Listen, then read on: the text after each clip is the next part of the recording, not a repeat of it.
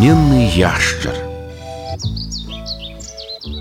Зараз вы пачуеце пра тое, як аднойчы малы і білан гулялі каля старога дома.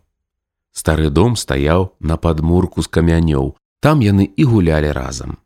Глядзі, білан, сказаў малы, бачу, сказала білан. Мама, паглядзі, адзін камень боўтаецца, сказаў малы, можа паспрабаваць расхістаць яго.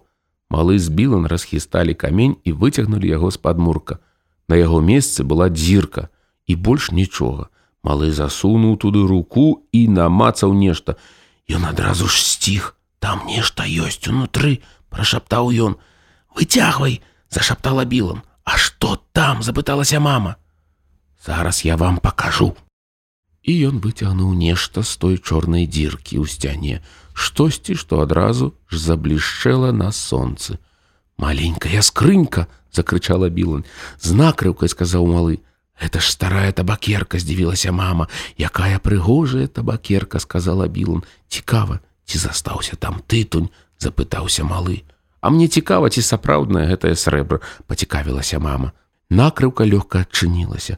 Апчі! малы чыхнуў. Там ёсць тытунь унутры, сказала білан і таксама чыхнула: гэта срэбная табакерка. З тытунем дадаў малы і зноў чыхнуў, якая цудоўная. Хутчэй за ўсё яе забыўся хтосьці, хто будаваў стары дом, сказала мама. Тады яна, напэўна, ляжыць тут шмат-шмат гадоў. У мяне ёсць выдатная палічка дома, сказала Білан.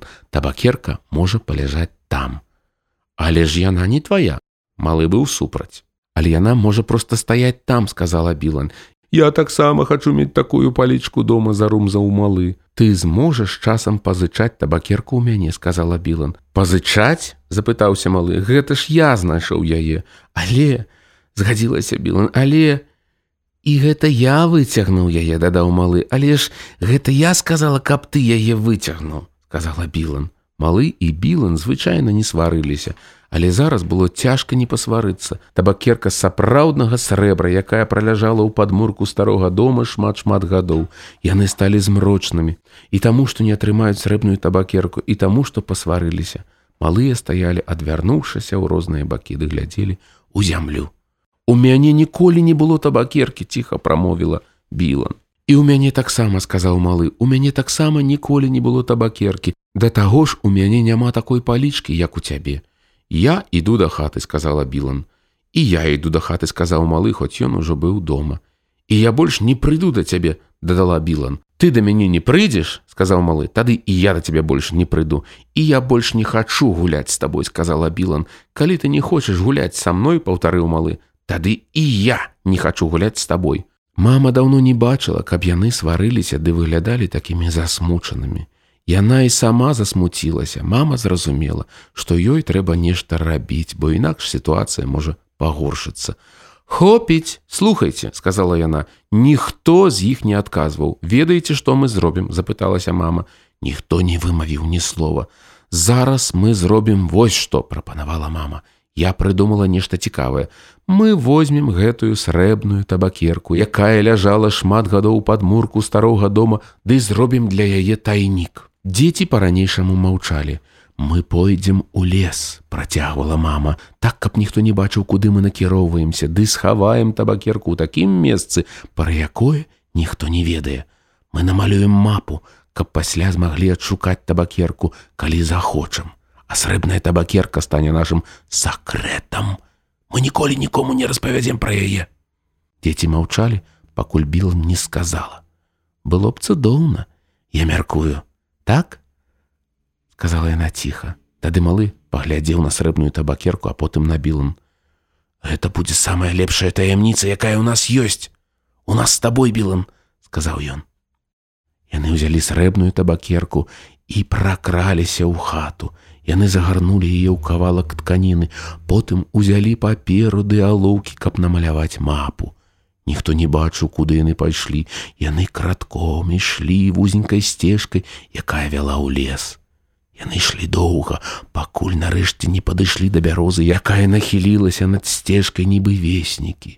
Там яны спыніліся і паглядзелі, каб ніхто не ішоў за імі. Яны падышлі да вялікага плоскага чырвонага камяню, там яны крыху адпачылі. Пасля падышлі да яшчэ адной бярозы, якая была апаленая. Напэўна, у яе трапіла маланка. Мы можам стаць тут, сказала мама. Яна дастала паперу і намалявала нахіленую бярозу і напісала: веснікі з бярозы, а потым яна намалявала чырвоны камень і напісала: чырвоны камень. Яна таксама намалявала апаленую бярозу і напісала: апаленая бяроза. Там яна намалявала вялікую літару X. Адсюль мы зробім сто крокаў проста ў лес, сказала мама, а там пашукаем добрае месца, каб схаваць табакерку. Адзін, два, тры, чатыры, пять. Яны прадзіраліся цераз хмызы і каменні. Яны ішлі па маміных слядах, нікуды не спяшаючыся. Яны пахлыбляліся ў лес. Малы і білан не ўмелі лічыць да ста, таму лічыла мама.